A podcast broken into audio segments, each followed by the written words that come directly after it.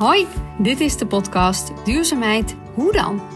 Hier leer je van experts hoe je succesvol innoveert, zodat het sneller, beter, maar vooral ook leuker wordt. Mijn naam is Jetske Tiele. Als spreker, trainer en sociaal ingenieur help ik ambitieuze organisaties om zelf aan de slag te gaan met innovatie en het versnellen van duurzaamheid.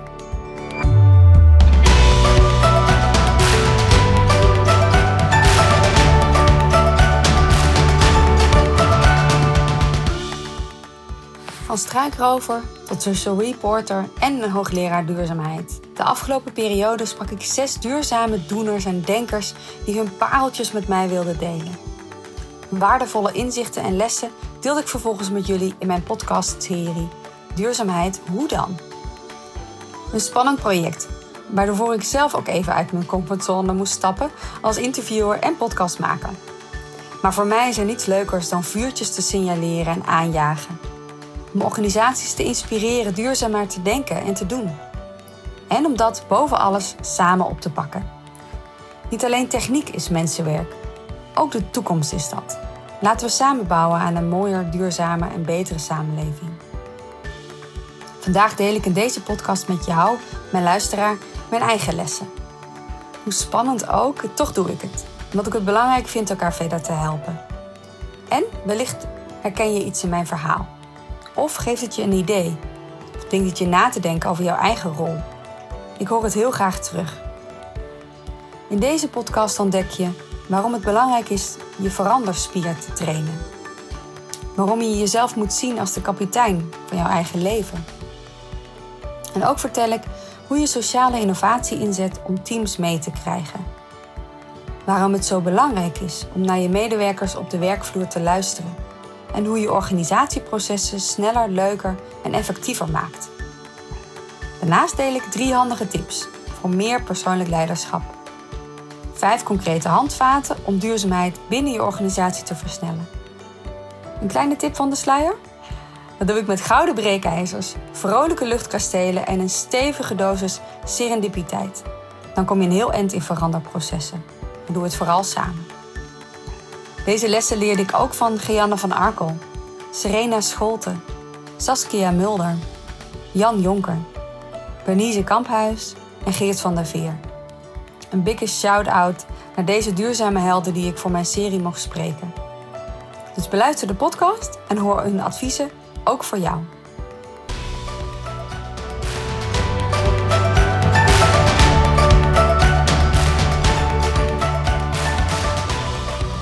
Stel je het volgende voor. Je zit in een grote zaal naast een onbekende. Ik vraag je kort even oogcontact te zoeken en vervolgens je ogen te sluiten. Je zit naast deze onbekende en vervolgens vraag ik je op de tast elkaars handen te zoeken en jezelf voor te stellen. Wat gebeurt er, denk je dan, met jullie? Jullie werden gedwongen op een andere manier jezelf voor te stellen. Je werd even uit balans gebracht. Het was nieuw en waarschijnlijk een beetje ongemakkelijk, en vanuit dat ongemak wellicht hier en daar wat gelachen in de zaal. Dit is wat ik als sociaal ingenieur dagelijks doe. Mensen helpen uit hun comfortzone te stappen en even terug te gaan naar de basis om vanuit een andere manier contact te maken. En zo tot nieuwe inzichten te komen. Ja, wat is dat, een sociaal ingenieur? Ja, elke ingenieur is technisch, maar ik voeg daarnaast iets specifieks toe vaardigheid en de drive om vanuit de mens verbindingen te leggen, vernieuwingen te versnellen en een prettig proces te begeleiden die tot een betere, mooiere resultaten leiden. Ik vind het leuk om de dingen soms een beetje anders te doen, een beetje te prikkelen, waardoor er nieuwe inzichten ontstaan. Mijn intentie voor vandaag is dan ook jullie mee te nemen dat naast de technische innovatie juist die sociale innovatie belangrijk is. Dit is de voorwaarde om tot technische innovaties te komen. Hoe komen die innovaties tot stand? Het is uiteindelijk mensenwerk en ik wil dat in die transities waar wij voor staan, die groot is, veel meer aandacht is voor de mens en haar relaties. Dus ik wil het vandaag hebben met je over sociale innovatie. Ja, wat is dat? Sociale innovatie is het betrekken van medewerkers bij vraagstukken die spelen in de organisatie of in de sector. Het actief gebruik maken van de ideeën van je eigen medewerkers om te blijven verbeteren en te innoveren. De traditionele top-down organisaties Uh, daar, daarin komen de ideeën van de directie of management of externe adviseurs en die worden vertaald naar de werkvloer. Maar bij sociale innovatie werkt wat mij betreft dat precies andersom. Ideeën om slimmer en beter te werken worden op de werkvloer juist bedacht. Want wie weet nu beter wat er aan de hand is en wat er kan verbeteren dan de medewerkers die het werk uitvoeren zelf. Binnen organisaties die sociale innovatie inzetten, wordt samen met medewerkers naar oplossingen gezocht die de prestaties verbeteren. Het resultaat? Werkbare oplossingen die direct kunnen worden ingezet. Maar voordat ik daar dieper op inga, toch goed om nog even te benoemen wat mij drijft. Een klein stukje levensgeschiedenis. Als klein kind was ik al erg nieuwsgierig en bezig met techniek. Ik krabde bijvoorbeeld het behang los, omdat ik graag wilde weten wat zit er nou eigenlijk achter. Tot ergernis van mijn moeder uiteraard. Spelling was niet helemaal mijn ding. Vanwege mijn dyslexie was ik gewoon meer bezig met techniek en creativiteit en dingen uitzoeken.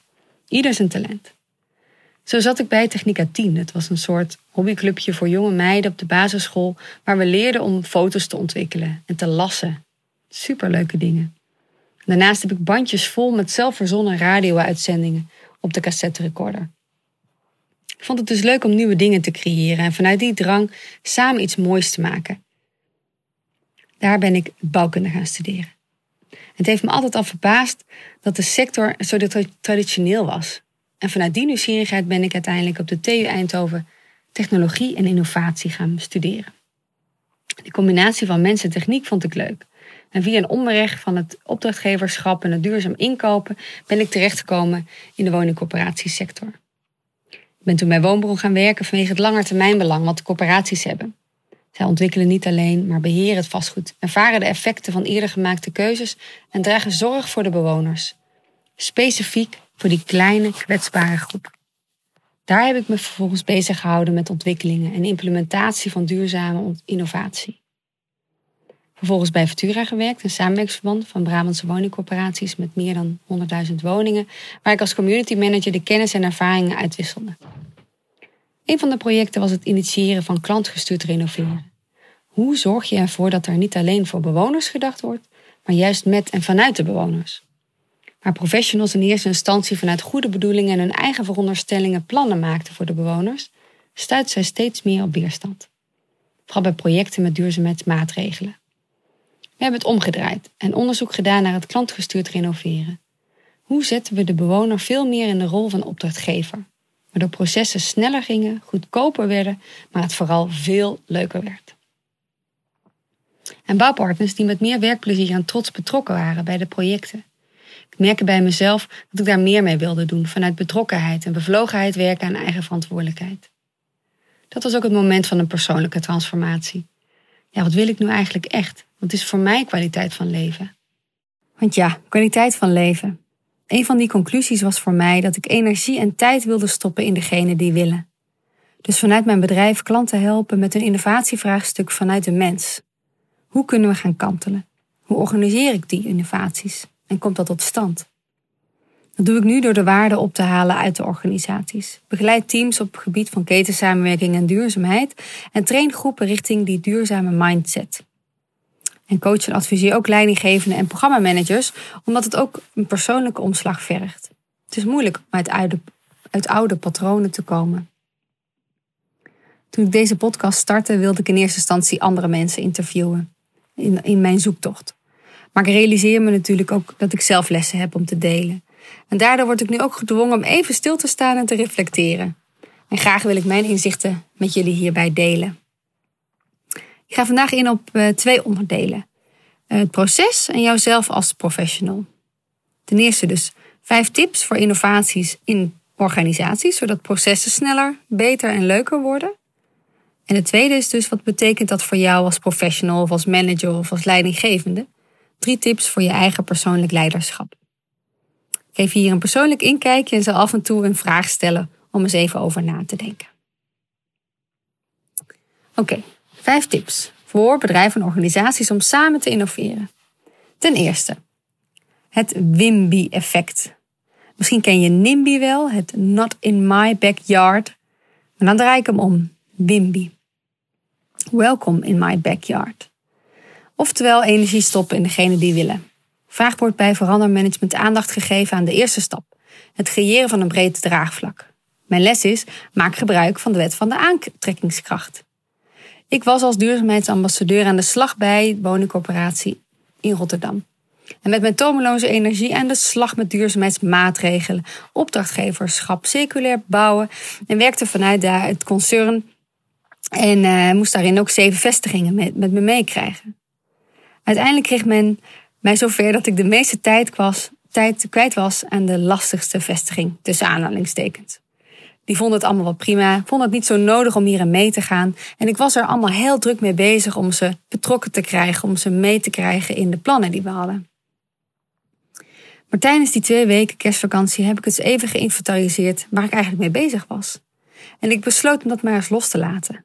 Ik ging voortaan alleen maar mijn energie steken in degene die wel wilde. Die aan mij de vragen stelden hoe ze zoiets moesten aanpakken. Die vragen kregen vanuit hun bewoners en daar fatsoenlijk ook antwoord op wilden geven. Dit resulteerde dus in het Wimby-effect. Welcome in my backyard. En het begon te vliegen.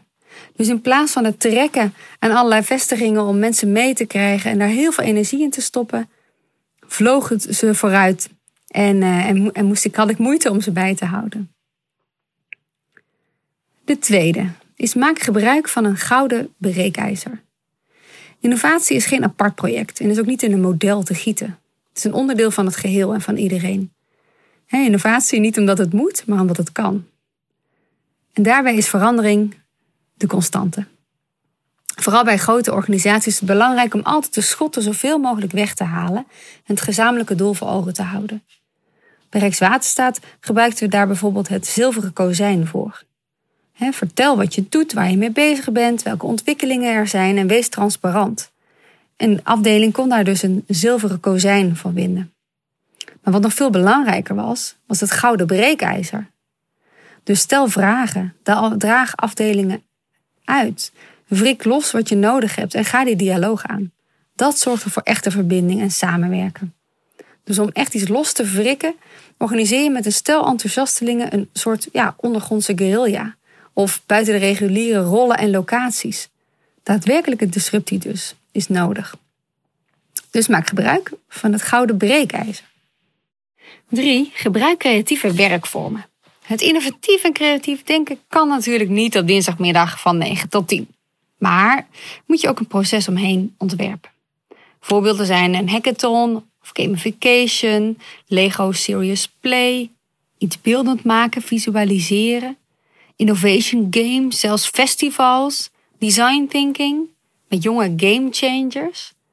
Allemaal voorbeelden om uit je comfortzone te komen en onder druk en andere omstandigheden te presteren. Goed om deze ontwikkelingen te volgen en ook met name te ervaren. Hier komen de mooiste dingen uit. Serena Scholte uit podcast nummer 3 gaf daar mooie voorbeelden van hoe zij door middel van biomimicry en hackathons innovatieprocessen begeleidt. Luister maar eens naar. Of luister maar eens terug. Nummer 4. Onderzoek, vraag en luister. Ja, serendipiteit. Je weet niet wat je niet weet. Tijden gaan snel en ik heb soms ook moeite om het allemaal bij te houden. Het gaat allemaal zo snel allemaal. Sneller en efficiënter. Eh, maar de vraag is, hoe heeft het ons vermogen tot samenwerken en echt contact, sociaal contact beïnvloed? Gooien we onze mening over de bühne op platforms zoals Twitter of Facebook? Of blijven we vragen en nieuwsgierig naar wat de ander drijft of hem bezighoudt? Dit is ook iets waar Saskia Mulder over sprak in podcast nummer 2. Dus vraag het je collega's en medewerkers. De oplossingen zijn al aanwezig in de organisatie, alleen hoe krijg je het boven tafel? Door het ze te vragen, naar hun antwoorden te durven luisteren en vervolgens hun ook te ondersteunen en faciliteren het zelf uit te voeren. Durf het dus te vragen. En dat is best moeilijk en ik merk nu steeds meer met een aantal uh, klanten van mij dat die dat steeds meer ook durven en verrast zijn op wat er naar, naar boven komt. En soms moeten ze ook dingen loslaten, weten niet precies wat eruit komt. Dus begrotingen, budgetteringen zijn daardoor wat lastiger om van tevoren duidelijk te maken en daar akkoord op te krijgen. Dit vraagt echt van ons allemaal een andere manier van denken. Het inzetten van mensen op vanuit hun kracht en motivatie, Dat is ook echt de tip van Gianne van Arkel die zij ons gaf in podcast 1. De vijfde tip voor organisaties is bouw luchtkastelen. Zorg voor fun. Stel je werkt met iemand samen en je spreekt om en om de volgende zin uit. We bouwen een luchtkasteel, maar. Dat zou ongeveer zo kunnen gaan. We bouwen een luchtkasteel, maar het is veel te hoog. We bouwen een luchtkasteel, maar het is veel te koud. Etcetera. Verzin er nog maar een paar. We bouwen een luchtkasteel, maar.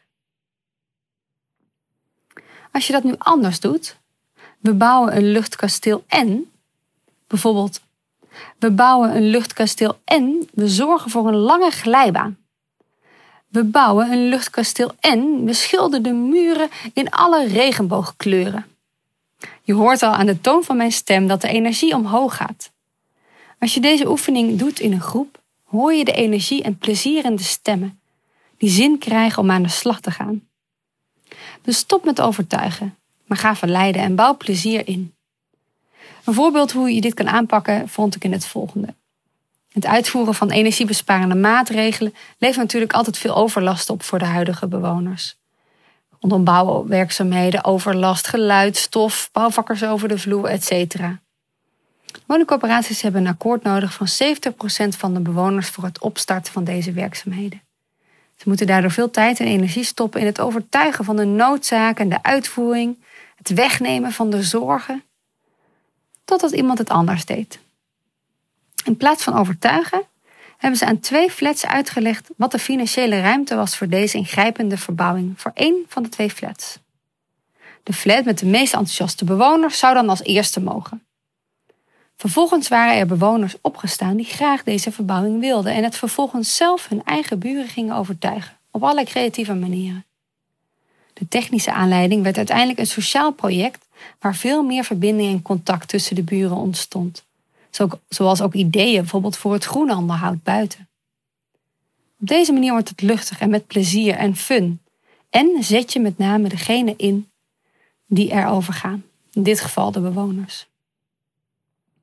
Kijk daarin ook eens naar je eigen organisatie. Op welke manier zou je het net wat leuker kunnen maken? Maak je het daardoor ook wat luchtiger. En, daar ben ik van overtuigd, gaat het uiteindelijk ook sneller. Dus vijf belangrijke lessen die ik mee wilde geven. Stop energie in degene die willen. Maak gebruik van het gouden breekijzer. Gebruik creatieve werkvormen. Onderzoek, bevraag en luister. En als laatste, bouw luchtkastelen en zorg voor fun. Maar nu heb ik het over processen in organisaties. Maar welke rol neem jij daar dan in? Jij luistert nu naar deze podcast, wil ook duurzaamheid verder brengen. Maar bent, bent misschien nog wel wat aan het stoeien over hoe dat dan precies te doen. En hoe je jouw rol daar vervolgens dan in zou moeten nemen. Het is belangrijk om jezelf daar telkens op te bevragen. En daarom geef ik je nu alvast drie tips. Ten eerste ontwikkel je veranderspier. iedereen wil verandering, maar niemand wil veranderd worden. We zijn ook niet gemaakt om te veranderen. Onze primaire drive is onze soort en onze omstandigheden zo te behouden precies zoals die is. Lekker in de comfortzone. Maar wanneer heb jij voor het laatst iets nieuws gedaan? Iets gezien of gehoord of, of misschien wel geleerd? Blijf jezelf prikkelen en uitdagen. Ga bijvoorbeeld tanden poetsen met de andere hand. Of kies een andere route naar je werk of naar de winkel. Leer iets nieuws. En je zult zien dat je daarmee je veranderspier verder ontwikkelt. Dat het fijner en comfortabeler wordt om altijd net een stapje buiten de comfortzone te pakken. Omdat je hebt ervaren dat het iets met je doet en dat je er blijer van wordt. Dus ontwikkel je veranderspier. Ik ben benieuwd hoe jij dat wil aanpakken. Laat me dat weten, zou ik erg leuk vinden. Het tweede is beweeg vanuit ontspanning. Kijk, vallen is een kunst. Als je dat gespannen doet, dan breek je maar gemakkelijk iets. dus je moet losjes kunnen vallen om weer op te kunnen staan. Dat heb ik altijd vanuit het skiën gehoord. Lakkeren, lakkeren, riep hij dan altijd. En met later hadden we het erover dat het ook gewoon fijn was. Om dat ook, ook losjes te vallen op het moment als je zou eh, vallen op de piste omdat de kans kleiner is om iets te breken. De spanning kan je ook in je lijf vastzetten als je gestrest bent. Ooit las ik een kop in de krant die ik eerst niet snapte. Arme mensen maken domme keuzes. Wat bleek, als je in de stressstand zit, denk je vanuit de korte termijn. Ben je nu snel bezig met de oplossingen, bezig met de brandjes blussen. Maar als die stress weg is, kan je weer nadenken over de lange termijn. Dus iets ontspannends doen, iets met humor erin, zorgt dat je een helder hoofd hebt voor langetermijn resultaten. Vanuit stress kan je niet bewegen. Ontspanning en humor is belangrijk. Dus wat ontspant jou eigenlijk? Hoe zorg jij ervoor dat jij af en toe een beetje losjes bent? Of weer losjes kan worden? En de derde is, jij bent de kapitein van jouw leven. Denk eens na over de volgende vragen. Wat vind je fantastisch om te doen? Wat zou je nog graag willen leren? En wat zou je nog graag willen ervaren? Laat deze drie vragen je kompas zijn in je dagelijkse werk. Wat vind je fantastisch om te doen? Wat zou je nog graag willen leren? En wat zou je graag willen ervaren? Want innovatie en verandering is leuk, maar dan moet het wel bijdragen aan jouw kwaliteit van leven. Aan het stromen van jouw levensvreugde. Want dan kan je pas stralen en ook het stralen weer doorgeven. Dus verbeter de wereld en begin bij jezelf. Dat geef je namelijk ook door aan je omgeving. En kom je daar zelf niet uit, zoek dan hulp. Dat doe ik ook. Zo laat ik me begeleiden bijvoorbeeld door eh, Mabel en Christel van The New Business Women. Om samen een traject aan te gaan naar The Purpose, maar ook te leren ontspannen. Floor Daver, een executive teamcoach. Ten behoeve van mijn persoonlijk leiderschap en mijn teamcoach vaardigheden. En een laatste voorbeeld, het mentorschap van Marlon Huismans. Gericht op het vrouwelijk leiderschap in een vastgoedsector. Allemaal zeer, zeer belangrijke en fijne hulplijnen voor mij. Maar er zijn er echt nog veel meer. Heel waardevol en noodzakelijk om te blijven groeien en de levensenergie te vergroten. Dat gun ik jou ook. Dus train die veranderspier. Beweeg vanuit ontspanning. En wees je eigen kapitein. Ik zal afsluiten, want anders wordt eh, deze podcast weer veel te lang.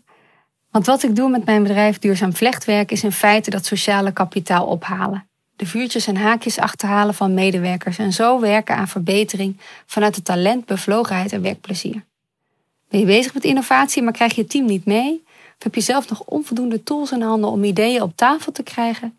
Luister dan ook de andere afleveringen van deze podcast en stuur me een bericht.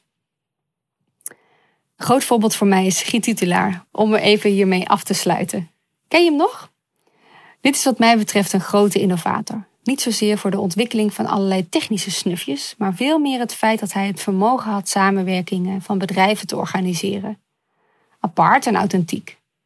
Eigenlijk was hij gewoon de tegenwoordige hipster, met een baardje van zijn tijd. Dat samenwerken en gebruik maken van het sociale kapitaal wat er is, hoe doe je dat? Maar ja, laat, uh, laat ook duidelijk zijn dat niet iedereen die uitvinder kan zijn. Niet diegene die iets compleets nieuws doet en volledig voorop loopt. Wees dan slim. Wees dan alert wie te volgen. Ga dan meedoen, ga dan meedenken. Zet jouw talenten in. En breng zo het goede idee weer verder. Ieder mag daarin volledig zijn eigen rol pakken. Je hoeft niet altijd voorop te lopen. Dus vandaag uh, heb ik jullie meegenomen in, in mijn inzichten op innovatie, het belang van de mensen naar creativiteit en sloot ik af bij het stilstaan met persoonlijk leiderschap. Betere innovatie begint bij jezelf.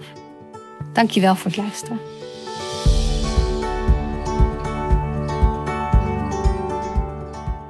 Je luisterde naar de podcast Duurzaamheid Hoe dan? Dit keer een persoonlijk verhaal. Ik ben heel benieuwd wat is blijven hangen of wat je heeft geïnspireerd. Heel leuk om terug te horen. Of heb je een vraag of wil je ergens meer van weten? Stuur me dan een berichtje naar mail.jetsketielen.nl Ik hoor het graag. Dank voor het luisteren en heel veel plezier in jouw eigen ontdekkingsreis richting duurzaamheid. Doei!